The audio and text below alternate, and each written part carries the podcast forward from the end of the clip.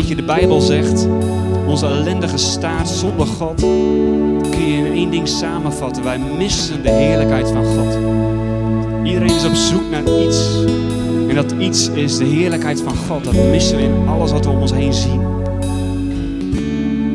En als we tot Hem zingen en Hem groot maken, dan kunnen we weer iets ontdekken van die heerlijkheid die er is.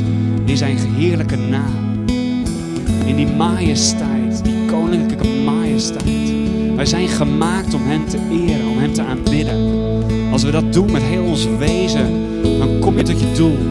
Dan weet je, dit is waar ik voor bestemd ben. Heer, wij willen u prijzen, we willen u loven, u groot maken. U bent majesteit. Laten we nog één keer dat, dat uh, couplet, of, uh, sorry, dat refrein zingen. Majesteit. Die grote majesteit die hij is. Zing ik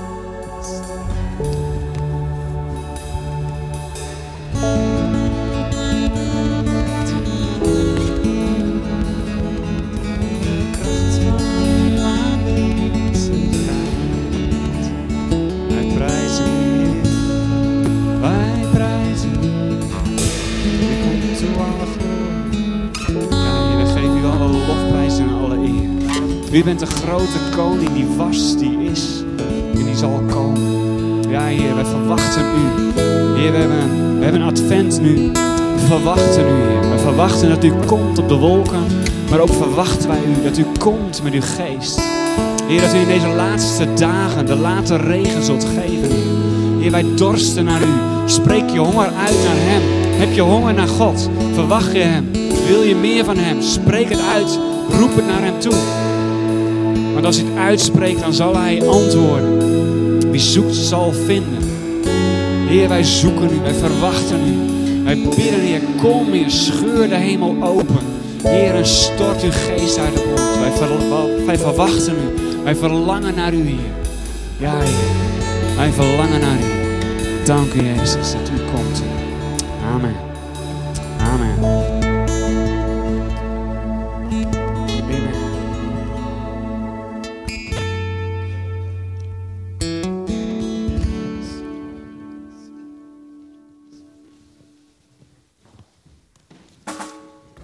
Yes, wat is het fantastisch om samen God groot te maken.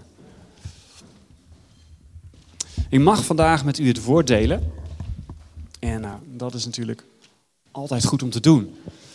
We zijn bezig met een serie over Romeinen. Ik weet niet of u erbij was de andere keren. Maar we gaan het hele boek Romeinen door. En Ismee heeft ons de niet geringe taak gegeven om wel vier hoofdstukken in één keer te doen. Ik vond het een hele kluif. Maar het is ook wel heel goed om te doen. Want je bent gedwongen om alles eens goed samen te vatten. Wat staat er nou echt en hoe kan ik dat samenvatten? Dus ik hoop dat dat een beetje gaat lukken vandaag. Ik wil eerst bidden met jullie. Ja, Heer, wat bent u groot. Wat hebben we fantastische dingen mogen zingen. Dat u ons vrijgekocht heeft op die happy day. Heer, dat u, onze, dat u aan het kruis ging, onze zonde droeg. Heer, dat we voor eeuwig vrij mogen zijn. We hebben gezongen dat we uw vrede mogen ontvangen. We hebben gezongen dat u onze vader bent. En wat wij zijn, onze identiteit, is dat we geliefd zijn door u. Niet onze baan, niet onze opleiding of het gemis daaraan. Dat bepaalt ons niet. Wat ons bepaalt is dat u van ons houdt. Wat geweldig is dat. Heer, en ik bid dat we deze dag daar iets meer besef van mogen hebben. Wat het is om geborgen te zijn in uw vaderhart. Dat is waar onze ziel naar verlangt. Niet naar meer geld, niet naar een betere baan of meer aanzien. Ten diepste kan alleen uw, uw vaderliefde ons hart vullen en tot rust brengen. Heer, en wij danken u dat we dat hebben mogen leren kennen. Of nog mogen leren kennen, misschien wel vandaag. Spreek het uit. Uw liefde is hier. Uw vaderhart staat open voor iedereen. Heer, wij danken u dat we dat mochten zingen. Wij danken u dat we mochten zingen van die majesteit. U regeert. Heer, soms vergeten we door alles wat om, wat ons heen gebeurt, dat u regeert. U bent de alfa en de omega. Er zijn delta-varianten, er is een omicron-variant, maar u bent de alfa en de omega, de eerste en de laatste. En die zult u altijd zijn. U regeert. Heer, dat spreken we uit over ons leven. Heer, en wij bidden, kom ook op dit moment, regeer in ons. Heer, zegen mij als ik spreek. Zegen ons allen als we uw woord ontvangen. Heer, dat het vrucht mag dragen, wortel mag schieten en vrucht mag dragen. En daar hebben we uw geest voor nodig. Kom, geest van God, blaas op uw woord. Amen. Amen. Yes. We gaan het vandaag hebben over, u ziet het waarschijnlijk al, ja, loud en clear zou ik zeggen, het resultaat van redding. We hebben in de eerdere zondagen gehad over, ja, wat is nou, waarom hebben we nou eigenlijk redding nodig en hoe is redding gekomen? En vanaf nu gaan we kijken naar, wat is dan het resultaat van redding? Nou, ik zei al, vier hoofdstukken best wel veel. Je zou er makkelijk tien preken over kunnen houden, maar ja, dat uh, doen we niet natuurlijk. En we gaan het dus proberen samen te vatten. Nou gaan we het hebben over Romeinen 5 tot en met 8. Dus er zijn vier hoofdstukken. En in die hoofdstukken gaat Paulus dingen vertellen over de situatie voor we God kenden en de situatie nadat we God hebben leren kennen. En dat doet hij een aantal keren, gaat hij heen en weer. Toen heb ik er lang over nagedacht. Toen dacht ik, als ik dat ook ga doen, dan raakt hij helemaal in de war. Want daar is gewoon te kort voor. Dus ik heb sommige teksten, alle teksten zeg maar, min of meer alle teksten die gaan over onze situatie voordat we God leren kennen, heb ik op een hoop gegooid. En andere teksten die gaan over nadat we God hebben leren kennen, heb ik ook op een hoop gegooid. Dus soms zult u zien, hey, we gaan van hoofdstuk 5 naar 7, naar 8, naar 6. Nou, dat klopt. Dat geeft dus om die reden. Dus denk niet dat ik er nou zelf een potje van maak. Dat heeft dus een reden. Goed, dat vooraf. Oké. Ehm, yes.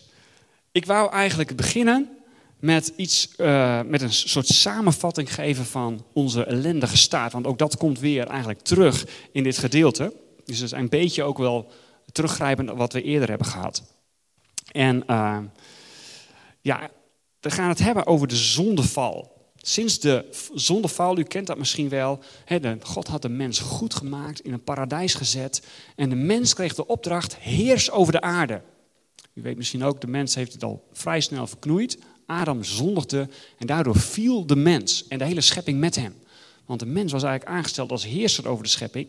En u weet wel, als een koning er een potje van maakt, valt het hele land mee. En zo is het met de aarde ook. De mens was heerser over de schepping, maar omdat de mens gefaald heeft, is de schepping eigenlijk meegevallen. Nou, dat noem ik, noemen we de zon, wordt wel de zondeval genoemd. Dus als ik het over de zondeval heb, dan bedoel ik dat. Dat het moment dat de zonde in de wereld kwam en alles meetrok naar beneden. Wat is er toen gebeurd? Nou, we zijn losgesneden eigenlijk van contact met God. Kijk, Adam wandelde met God. En op het moment dat die zondeval kwam, was dat contact er niet meer. Het vaderhart van God, daar zijn we niet meer mee in contact. En dat is misschien wel het grootste drama. We zijn niet meer in contact met de levende, met de ene ware God. En dat zie je ook om je heen. Mensen zijn op zoek naar iets. Iedereen dwaalt rond. Altijd weer, eh, als je een hobby hebt, dan je altijd net even nog iets beter. Eh, of als je van muziek houdt, wil je nog een beter nummer maken. Maar een week later denk je, ja, het is toch nog net niet helemaal. Nog weer een beter nummer. Altijd zoeken we naar iets. Wat is dat nou? Nou, we zijn op zoek naar God. En we zijn dus losgesneden geraakt van God door de zondeval. En nou wil ik Garnik vragen om de lampen allemaal uit te doen. nou, allemaal, niet alles gaat uit, maar het is, Hopelijk wordt het wel duidelijk. Oh, die kan ook nog uit. Geweldig. Nou, donker genoeg. Nu zie je trouwens ook heel mooi dat kaarsje. Zo is, zo is het eigenlijk in het, als het donkerder wordt om ons heen, wordt het licht van God duidelijker. En dan moet ik zelf ook nog zien dat ik dit kan lezen. ah, lukt wel hoor. Lukt wel. Het meeste weet ik al uit mijn hoofd, hoop ik. Yes. Nou, de mens is dus losgeraakt van God. En toen werd het duister. De mensen dwaalden rond. De mensen gingen zondigen. Kwamen slechte dingen, steeds meer slechte dingen. Je ziet ook dat als je Genesis leest, dat er steeds een opbouw is. Eerst uh, is het mens losgesneden van God, maar al heel gauw gaat het slechter en slechter. Je ziet bijvoorbeeld dat Kain zijn broer vermoordt door jaloezie. Dan zie je dat op een gegeven moment is de slechtheid van de mensen zo groot geworden, dat God zegt, de alle bedenkingen van alle mensen is een en al slechtheid. En God heeft zelfs spijt dat hij de mensen maakt. Alles wordt duister omdat we losgesneden zijn van God. Iedereen dwaalt af. De eerste tekst, die mag er nu op. De Romeinen vat het zo samen. Iedereen doet wat hij zelf wil. Niemand leeft zoals God het wil. Niemand doet iets goeds. Helemaal niemand. Dat is best wel een beetje bam. Dat klinkt best wel negatief. Maar dit is wat onze staat is zonder God. Zonder God is het een en al duisternis.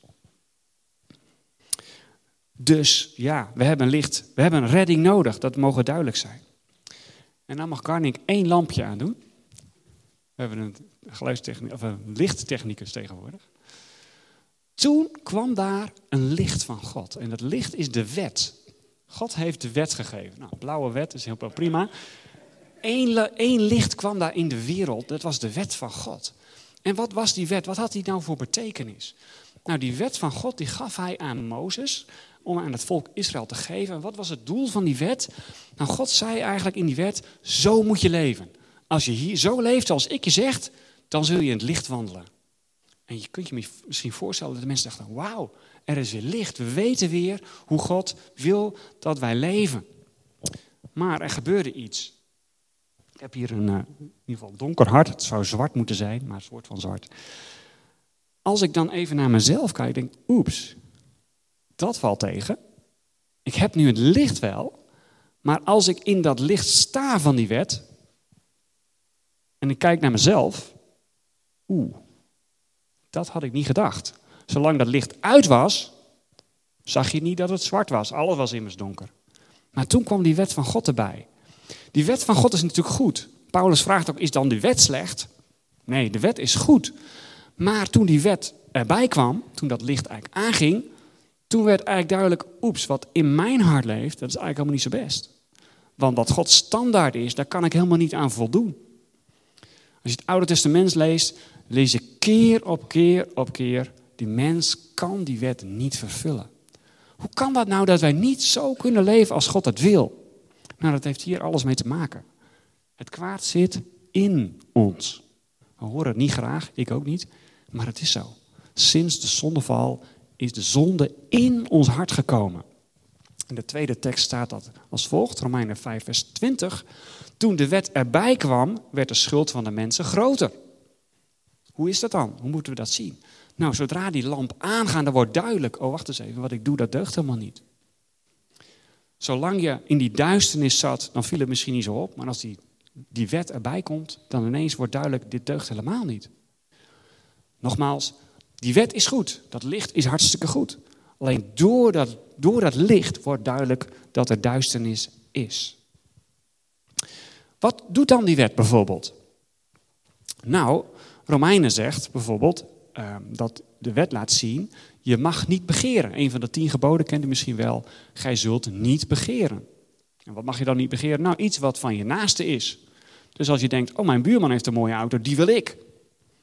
Of uh, mijn overbuurman heeft een mooie vrouw, die wil ik. Nou, dat mag niet, zegt de Bijbel. En door die wet zijn we in gaan zien dat dat niet mag. Dus dat is de volgende tekst. Ik zou bijvoorbeeld niet geweten hebben dat jaloersheid verkeerd is als de wet niet had gezegd dat je niet jaloers mag zijn. Dus die wet van God, dat licht van Gods wet, die laat bepaalde dingen zien die je misschien niet gedacht had, maar die God niet goed vindt. Zijn standaard is hoger dan die van ons. En weet je, mensen zijn bezig om hun hart mooi te laten lijken. Je kunt het verstoppen, je kunt het poetsen, je kunt er stukjes aan afschrapen wat je wil, maar ik verzeker u, dit is in en in zwart. Als ik hier een stukje aftrek, ik kan het wel doen. Het helpt niks. Dit is ook nog steeds donker. Ons hart is gewoon, daar zit kwaad in. Dat is het probleem. En dat maakt die wet van God haarscherp duidelijk. En weet je, veel mensen proberen het goed te praten, de slechte dingen die ze doen. Ja, het komt om een opvoeding.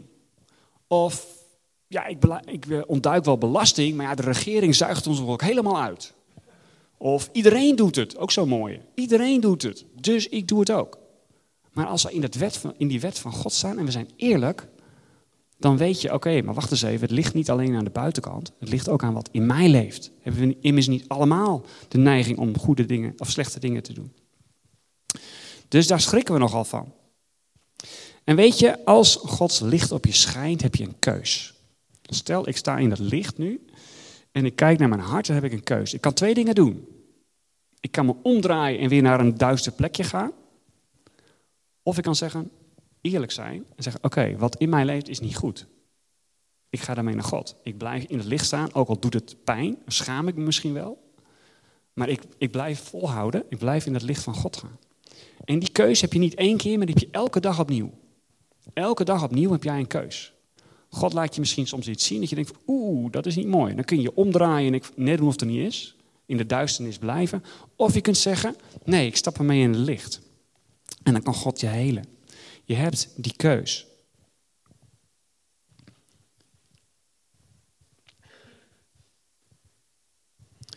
En uh, sommige mensen die eh, maken de keuze om in de duisternis te, blijven. In Johannes 3, vers 20, die staat niet op de slide, maar daar staat het zo. Ieder die kwaad doet, haat het licht en komt niet tot het licht. Omdat zijn werken, opdat zijn werken niet ontmaskerd worden. Dus sommige mensen, die, zijn, die doen verkeerde dingen en ze weten het ook wel. Maar ze haten het licht. Waarom? Nou, er wordt duidelijk wat er in hun hart leeft. En nogmaals, het zit in ons allemaal, maar wat is jouw keus? Stap je in dat licht of trek je terug en blijf je in de duisternis? Nou is dat natuurlijk niet zo mooi. Ik heb een hart, er is inmiddels al een stukje af. maar wat moet ik doen? Want ik kan wel mijn best doen en nog eens mijn best doen. Maar dat hart blijft natuurlijk altijd in me zitten. De enige manier om kwijt te raken is eruit te trekken, maar dan ben ik natuurlijk dood. Hoe word ik hier ooit van vrij? Want ik zei net, het kwaad zit dus ook in ons. Niet alleen om ons heen, maar zelfs in ons. Dus ja, dan vecht je tegen jezelf. Hoe moet ik dat ooit van elkaar krijgen? Nou, dat zegt de Bijbel eigenlijk ook. Dat lukt je niet. Want die wet die dus goed was, en dat is de volgende tekst. Die wet die goed was, die had mijn leven moeten brengen. God zegt zelf, als je die wet van mij houdt, dan brengt het je leven. Maar wat gebeurt er? Iedereen komt erachter, als je eerlijk bent, ik kan die wet helemaal niet houden. En dan veroordeelt die wet mij juist. Want kijk maar, dat licht schijnt en het is heel duidelijk dat ik zwart hart heb. Dus het doet eigenlijk tegenovergesteld als wat voor bedoeld was. Dus die wet is op zich goed, maar die houdt ons een spiegel voor. Eigenlijk, zegt de Bijbel in een andere tekst ergens, is een tuchtmeester tot Jezus. Is een, is een oude vertaling. Maar eigenlijk laat die wet ons via die spiegel zien, ja, je hebt echt Jezus nodig, het lukt je niet zelf. Als we echt eerlijk zijn, weten we, dat kwaad zit ook in mij. Ja, en dan zucht Paulus het eigenlijk uit. Ik ben een gevangene van het kwaad dat in mij zit. Wie zal mij redden? Dat is de volgende tekst. Romeinen 7, vers 23. Ik ben een gevangene van het kwaad dat in mij zit. Je kunt wel denken, alleen dingen om me heen zijn slecht. Heel veel mensen geloven dat. Als je in het licht van Gods wet staat, dan kom je erachter, nee, het zit ook in mij. Wat moet ik nu doen? Ik kan niet tegen mezelf vechten, ik kan mezelf niet bevrijden. Nou, ik hoop dat u het antwoord op deze vraag weet. Wat moet ik doen? Nou, Jezus. Ja, we zeggen wel eens in de kinderkerk, als ze een vraag hebben, zeggen ze eigenlijk altijd Jezus. Want dat is meestal het goede antwoord. ik heb een keer een grapje gehoord, een, een voorganger die zei van, ja, we hadden een keer in de kinderkerk iets, ze moesten raden wat voor dier het was. Het is uh, bruin en fluffy met een grote staart. En, iemand, en die kinderen zeiden, Jezus? Nee. maar ze, hebben zo geleerd dat Jezus het goede antwoord is, dat ze dat overal op zeggen. Dat is heel grappig. Maar goed, in dit geval is dat het juiste antwoord. Wat moet ik doen? Naar Jezus toe. Dat is het juiste antwoord. Ja, we moeten naar Jezus toe. En dat, uh, wat heeft Jezus gedaan? Nou, Jezus heeft onze plaats ingenomen. Zoals u misschien hopelijk weet, Jezus was zonder zonde. Hij is de eeuwige zoon van God, maar hij werd mens. Hij kwam in de gedaante van een mens naar ons toe. En hij was mens als wij ook zwak. Hij kon ook verleid worden door zonde. Maar er was één verschil. Hij zondigde nooit. Hij hield die wet van God wel. En wat er toen gebeurde is heel bijzonder. Hij nam onze plaats in. Want wat is het gevolg van die zonde? Iedereen sterft een keer. Het is misschien cru om te zeggen, maar elke baby die geboren wordt, je weet zeker, die gaat een keer sterven. Dat is een heel apart idee, toch? Alles wat, wat leeft, sterft. Dat is helemaal nooit zo bedoeld. Maar dat is het gevolg van de zonde, zegt de Bijbel. Iedereen sterft. En wat deed Jezus? Hij stierf in onze plaats. Hij had dus nooit gezondigd, dus hij hoefde niet te sterven. Maar hij stierf in onze plaats. En daardoor kunnen wij juist verlost zijn van dat zwarte hart, van die zonde. Jezus stierf in onze plaats. En zo kunnen wij vrij zijn. Wat een geweldige dag. Happy day hebben we gezongen. Dat is die happy day. Yes. Happy day dat hij al onze zonden wegwaste. In Romeinen 5 vers 1, dus de volgende tekst, staat het zo. Ja, daar is hij al. Heel goed. Nu we door ons geloof zijn vrijgesproken van schuld, hebben we vrede met God. Die vrede hebben we te danken aan onze Heer Jezus Christus. Yes. Dus door het geloof in Hem, als we ons vertrouwen stellen op Hem, dan ruilt Hij met onze plaats en Hij neemt ons zwarte hart weg. En dan stelt Paulus een vraag. Oké, die wet kwam er dus bij. Daar wordt eigenlijk nog duidelijker dat we heel veel schuld hebben. Maar goed, de genade is er. De genade bleek nog groter dan onze schuld, onze slechtheid. Kunnen we dan niet gewoon maar zoveel mogelijk slechte dingen doen? Dan wordt de genade steeds groter. Die, die vraag stelt, Paulus. Nou, ik hoop dat dat duidelijk is dat dat niet de bedoeling is. Want denk eens na, je komt uit die duisternis. Je ziet het licht van God. Je erkent, oké, mijn hart is zwart. Hij reinigt je hart. Zou je dan ooit weer terug willen naar die duisternis? Nee toch? Als je in het licht wandelt, dan wil je toch nooit meer terug naar die duisternis? Dus eigenlijk is het een beetje een retorische vraag. Dat is Romeinen 6, vers 1, dat is de volgende tekst. Zullen we dan maar meer slechte dingen doen, zodat God ons veel kan vergeven? Nee. En weet je, er zijn mensen, er zijn rare theologieën soms, die zeggen van, weet je, al onze schuld is al vergeven, dus maakt helemaal niets uit wat je doet. Nou, dat is wel een beetje gek, want dan zeg je eigenlijk, oké, ik heb het licht van God gezien, um, en nu ga ik weer de duisternis in. Dat is best wel vreemd, toch? Ik vind dat heel raar. Als je snapt wie God is, dan doe je dat niet. Als je, ik had het ergens opgeschreven, ik weet niet meer waar. Waar zei dat ook weer? Ik ben al verder als ik dacht.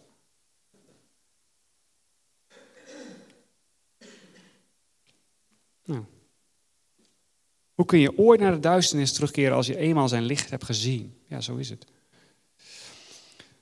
De zonde is juist wat ons gevangen hield. Je kunt toch nooit teruggaan naar dat wat jouw gevangenis was? Dat zou toch heel raar zijn? En daarom is het antwoord natuurlijk op die vraag duidelijk: nee, dat willen we helemaal niet. Maar goed, ik zei al, je hebt een keus. Wij zijn vrijgemaakt om te kiezen. Ook nadat jouw hart is gereinigd door God, heb je een keus. Want je zult erachter komen als je oprecht wandelt met God. Je komt dingen in je hart tegen dat je denkt van, uh-oh, dat klopt niet helemaal. En dat is het licht van God. Laat je dat toe of niet? Elke dag heb je die keus. Ga ik naar God toe met die duisternis die in mij zit? Of doe ik dat niet? We zijn inderdaad vrij, maar we zijn vrij om te kiezen. We moeten elke dag die keus maken. Dus je hebt eigenlijk twee dingen. Eén, wij kunnen onszelf absoluut niet redden. Waarom? Wij, zijn, we hebben duisternis in onszelf. Jezus is het licht. Alleen het licht kan duisternis verdrijven. Ja toch? Amen. Maar wat is dan mijn deel? Ik moet ervoor kiezen om in dat licht te stappen. Heb ik dan mezelf gered? Natuurlijk niet. Ik heb dat licht nodig. Ik heb geen licht uit mezelf. Maar ik moet wel die keus maken, elke dag opnieuw, om in dat licht te gaan staan. En dat legt Paulus uit in Romeinen 6, vers 12 tot 13. Staat hier, laat het kwaad dus niet langer als een koning over je heersen, maar laat je door God gebruiken voor het doen van goede dingen. Soms is er verwarring bij mensen van, ja, red ik nou mezelf een beetje of doet God dat? Nou, God doet het helemaal. Jezus is het licht, punt. Niemand anders is dat. Maar wij hebben wel de keus om in dat licht te wandelen, ja of nee. Elke dag moeten we die keus weer maken. Jezus is het licht van de wereld. En inderdaad, soms is het pijnlijk als je dingen in je hart tegenkomt dat je denkt oeh, dit had ik liever niet willen weten. Maar weet wel, als je ervoor kiest om in het licht te gaan, om met God er doorheen te gaan, word je steeds meer gelijkvormig aan Jezus. Dat is iets prachtigs. Als je bij God hoort, wil je de duisternis niet. Oké, gaat goed. Tenminste, hoop ik.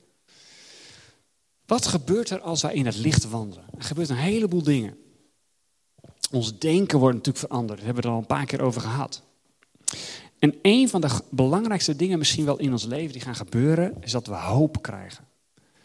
Ik ben uh, zelf docent in het dagelijks leven en ik kom ontzettend veel studenten tegen die helemaal nergens voor leven. Nou, ze leven eigenlijk voor het volgende weekend en dan weer helemaal lamzuipen. Best wel triest. Ja, toch? Geen hoop. Waar leef ik voor? Dat is zo'n ontzettend belangrijke vraag. Maar als Jezus je hart vult, als je veranderd wordt, als jij ervoor kiest om in zijn licht te gaan stappen, in zijn licht te gaan wandelen, dan ontvang jij hoop. En hoop, wat is dat nou eigenlijk? Nou, in onze Nederlandse taal hebben we natuurlijk het, het woord hoop. Ik hoop maar dat het niet gaat regenen als ik straks naar huis fiets. Is dat een zekerheid? Nou, niet echt. Het zou kunnen, het zou kunnen van niet. Nou, Bijbelse hoop is totaal anders. Ik heb het een keer iemand zo horen zeggen. Is de, de uh, hoop is de, stond het nou eens in het Engels. Joyful anticipation of something good. Dus de vreugdevolle verwachting, of een anticipation, hoe zeg je dat? Ja, verwachting, ja. Anticipatie, ja precies, maar wat is dat dan? vreugdevolle anticipatie. Verwachting is eigenlijk nog dat het onzeker is. En anticipatie, dan is het wel zeker. Uh, dat had ik van tevoren moeten bedenken. Ja? Zei iemand? Ja, uitgaan van. Je gaat ervan uit. Dus een vreugdevolle anticipatie. Ja, ik weet niet precies. Ik kan geen ander woord vinden. uh, nou ja. Het is wel duidelijk? Oké. Vreugdevolle anticipatie van iets goeds. Nou, weet je, ik ga het nog helemaal anders doen. Ik ga een voorbeeld geven. Oké, stel Ismee die zit hier en hij zegt tegen zijn kinderen... In de kerstvakantie gaan we een week lang naar Disneyland Parijs. Nou, wat zal er met die kinderen gebeuren, denk je? Die zijn niet meer te houden. Die zijn helemaal knetter. Maar waarom eigenlijk? Nou, dat is hoop. Als je die kinderen door de, de ruimte ziet stuiteren, jee, we gaan naar Disneyland Parijs een hele week lang, dat is hoop. Dat is bijbelse hoop. Twijfelen die kinderen aan of het gaat gebeuren? No way. Waarom niet? Nou, eerst eens betrouwbaar. Dan zie je ook in hoe belangrijk het is dat je als ouders betrouwbaar bent. Als jij dingen gaat zeggen die je niet nakomt, dan breek je niet alleen je gezag af, maar je breekt ook iets anders af. En vertrouwen ook in God. Want het is heel erg sterk gelinkt aan hoe wij onze vader zien. Dus wees op je hoede wat je zegt. Je kunt het beter niet beloven dan dat je het belooft en niet doet. Maar stel je het je voor, die kinderen stuiten door die kamer, die worden helemaal knettergek. Jee, we gaan naar Disneyland Parijs. Nou, dat is bijbelse hoop. Je twijfelt er niet aan of het gebeurt. Je gelooft het 100% en je gaat helemaal uit je dak. ik stel me zo voor, die kinderen na misschien uh, een paar uur, worden ze wat gedimd. Oké, het bezinkt allemaal wat. En dan gaan ze nadenken. Hey, Disneyland Parijs, laten we eens even opzoeken op internet. Wat kun je er allemaal doen? En welke attracties gaan we in? En, en vul maar in. Zij gaan zich voorbereiden op wat er gaat komen. Nou, dat is hoop. En dat kunnen wij ook doen. Ze twijfelen dus absoluut niet aan wat hun vader heeft gezegd. En zo moeten wij ook hoop zien. Wat heeft God ons beloofd? Nou, noem eens wat. Wat zijn beloften van God voor ons? Sorry? Dat hij bij ons is. Yes, amen. Geen ziekte meer.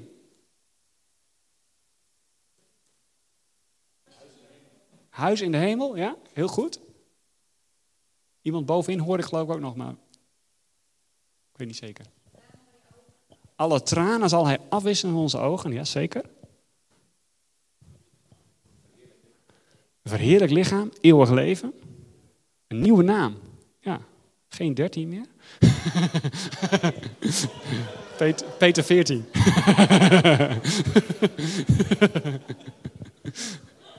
Bijna niet voor te stellen bij Peter, want uh, hij heeft 13 van achternaam. Dus. ja. Andere dingen, beloften van God. Rust en veiligheid, zeker. Er zijn een heleboel beloften. We hebben volgens mij nog wat huiswerk te doen. En die kids gaan op internet En die kijken, wat is Disneyland Parijs? Zoeken al die attracties op. Wij moeten die attracties op gaan zoeken. Wij moeten op gaan zoeken, de Bijbel lezen en met elkaar erover hebben. Die kinderen gaan elkaar natuurlijk ook, oh, we gaan dan dat doen en dan dat doen. Zo moeten wij eigenlijk ook uh, kijken naar de belofte van God. Niet twijfelen. Het is heel belangrijk dat wij niet twijfelen, God op zijn woord nemen. En dan is hoop iets geweldigs. Het kan ons een enorme stimulans geven. Dus ja, we hebben allerlei dingen gehad. Nieuwe hemel en een nieuwe aarde. Eeuwig leven. Hij zal ons nooit verlaten. Niets kan ons scheiden van zijn liefde. Ook geen pandemie. Yes. Niets kan ons van hem scheiden. Dus God heeft ons heel veel beloofd. En de vraag is natuurlijk, geloven we dat echt? Als we dat geloven, gaan we er ook naar leven? Gaan we zo met elkaar praten daarover? Yes. Dan wil ik nog een klein stukje, er zit geen slide van op de uh, PowerPoint. Maar dat wou ik toch even kort met u door. En dat is de schepping. Ik zei al, de mens is gemaakt om te regeren over de schepping. En toen de mens dus viel in zonde, viel de schepping eigenlijk mee. Je ziet het om je heen. Kijk naar de natuur. Er zijn rampen. Er zijn catastrofes. Dieren maken elkaar dood. Er is lijden, er is ziekte, ook bij de dieren, in de dierenwereld. Ook in ons eigen leven natuurlijk. Oorlog. Nou, ik hoef het allemaal niet op te noemen. Ik hoef niet in de put te praten. Daar hebt u mij niet voor nodig. Maar overal om je heen zie je die breuk. Zie je die gebrokenheid ook in de schepping. En de Bijbel zegt in Romeinen 8, vers 21. De schepping zelf is in slavernij van het verderf. De schepping zelf is in slavernij van het verderf. Dus alles, de hele schepping is eigenlijk gevallen, zoals we dat dan noemen. Theologische term. De gevallen schepping, de hele schepping is, onder, is, is, is gevangen in verderf. Ook daar is die glorie van God verdwenen. En ook daar is dus, ja, is dus een breuk ontstaan. De schepping zucht staat er ook wel. Er is disharmonie ook in de schepping. Ik ga u een kort verhaaltje vertellen.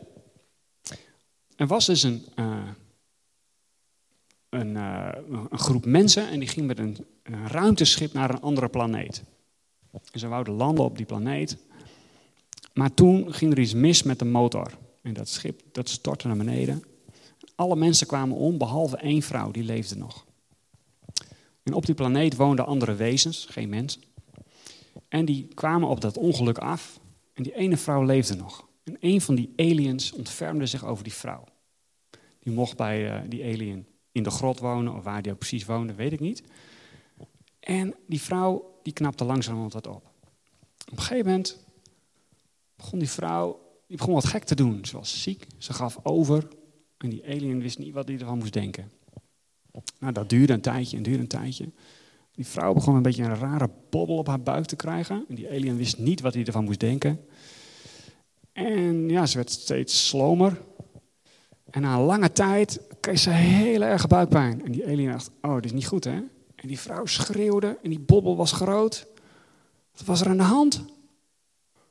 Hij dacht, die alien dacht, ze gaat dood. En ze schreeuwde nog harder. En toen, u raadt het misschien al, werd er een baby geboren. En zo mogen we ook naar de schepping kijken. Want de, Bijbel zegt, de, de schepping is in nood, maar in barensnood. We zien om ons heen hoe het verkeerd gaat. De schepping gaat kapot, door ons eigen toedoen voornamelijk. Maar er is hoop. Denk aan die alien, die snapt helemaal niet wat er gebeurt. En zo mogen we ook naar de schepping kijken. We snappen misschien niet wat er gebeurt, maar we lezen het in de Bijbel wat er gebeurt. Zeker, de schepping is in nood, maar in barensnood. Dat is toch een hoop, of niet dan? Het is niet het einde, maar een nieuw begin. God maakt een nieuwe hemel en een nieuwe aarde. Dat is een van die vele beloften die hij ons gegeven heeft. Dat is onze toekomst, mensen. We hebben zo'n geweldige erfenis. Laten we daarop focussen. En dan gaan we naar Romeinen 8. Romeinen 8 is zo'n fantastisch hoofdstuk. U kent het vast wel. Het is eigenlijk een explosie van ja, beloften van God. Het staat helemaal bol. En de volgende slide gaat erover. Zoveel dingen die God ons belooft, ongelooflijk. Eerst Romeinen 5, vers 21. Dat is dus niet, nog niet hoofdstuk 8 natuurlijk. God brengt ons het eeuwige leven door onze Heer Jezus Christus. Dan Romeinen 8, vers 1.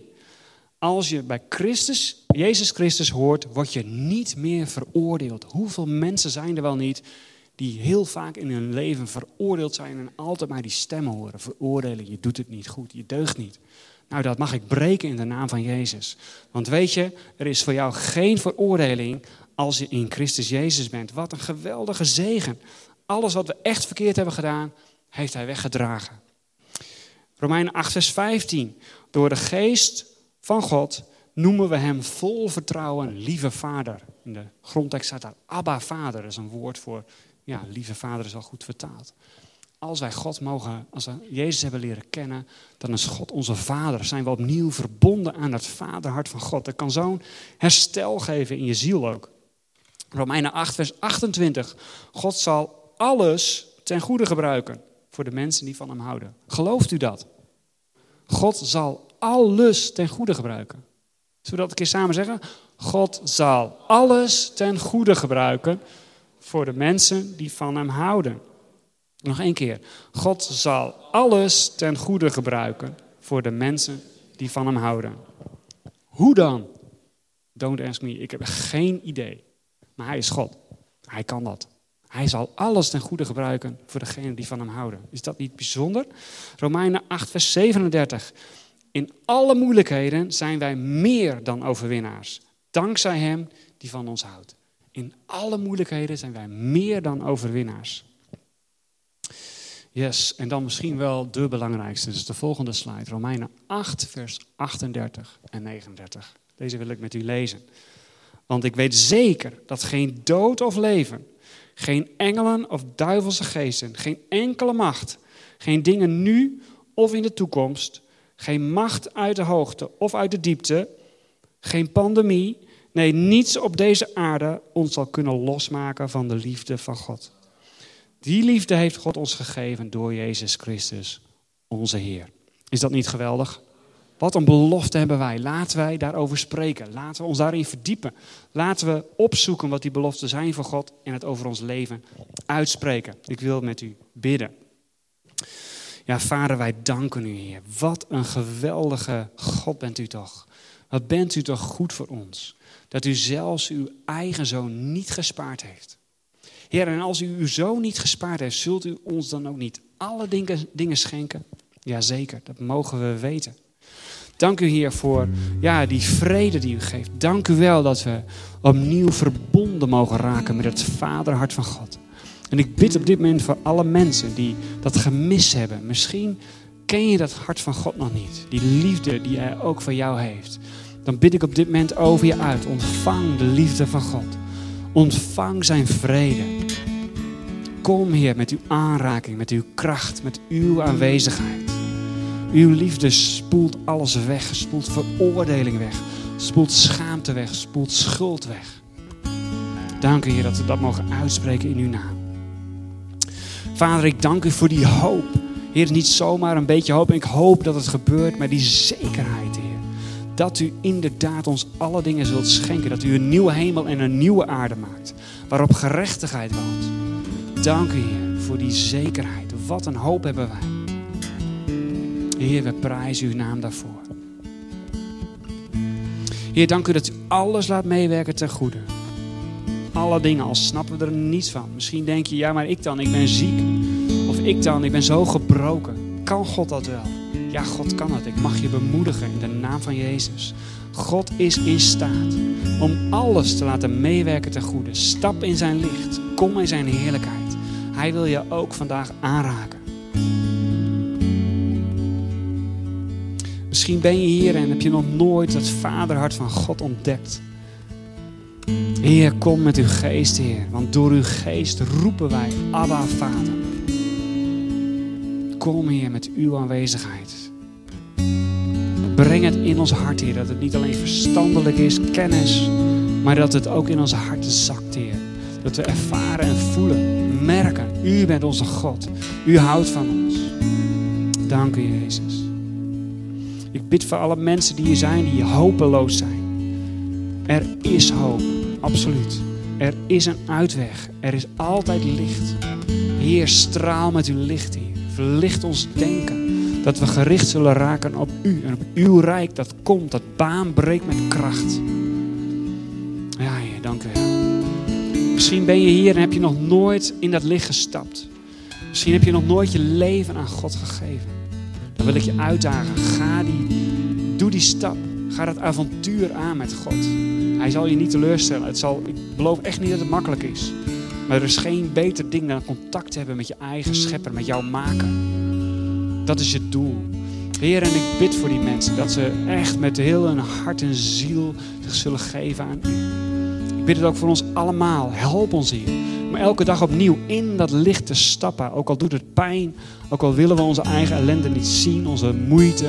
Onze verslaving misschien wel. Maar stap in dat licht. Hij zal je niet teleurstellen. En ik bid voor mensen die misschien worstelen met verslaving. In de naam van Jezus breken wij elke ketting. Elke boei, elke gevangenschap. Want aan jou is ook die geest gegeven. Niet om opnieuw slaaf te zijn, maar de geest van vrijheid. De geest van vrijheid waarin je mag zeggen, ja, God is mijn vader. En hij staat aan mijn kant. Ik breek op dit moment elke vorm van veroordeling die misschien nog in je denken zit. Misschien uit het verleden. Al die stemmen die zeiden, je doet het niet goed, je deugt niet. Of wat ze ook zeiden. We breken het in de naam van Jezus. Er is vrijheid op deze dag. Ik proclameer dat. Er is vrijheid ook voor jou. Er is geen veroordeling voor jou als je in Christus Jezus bent. Geen veroordeling. Breek die stemmen van veroordeling in Jezus' naam. Dank u Heer dat u uw vrede wil geven. En ik bid u allen de vrede van God. De vrede die ons verstand te boven gaat, die alle omstandigheden te boven gaat. Hij zal jullie harten bewaren in Christus Jezus. Amen.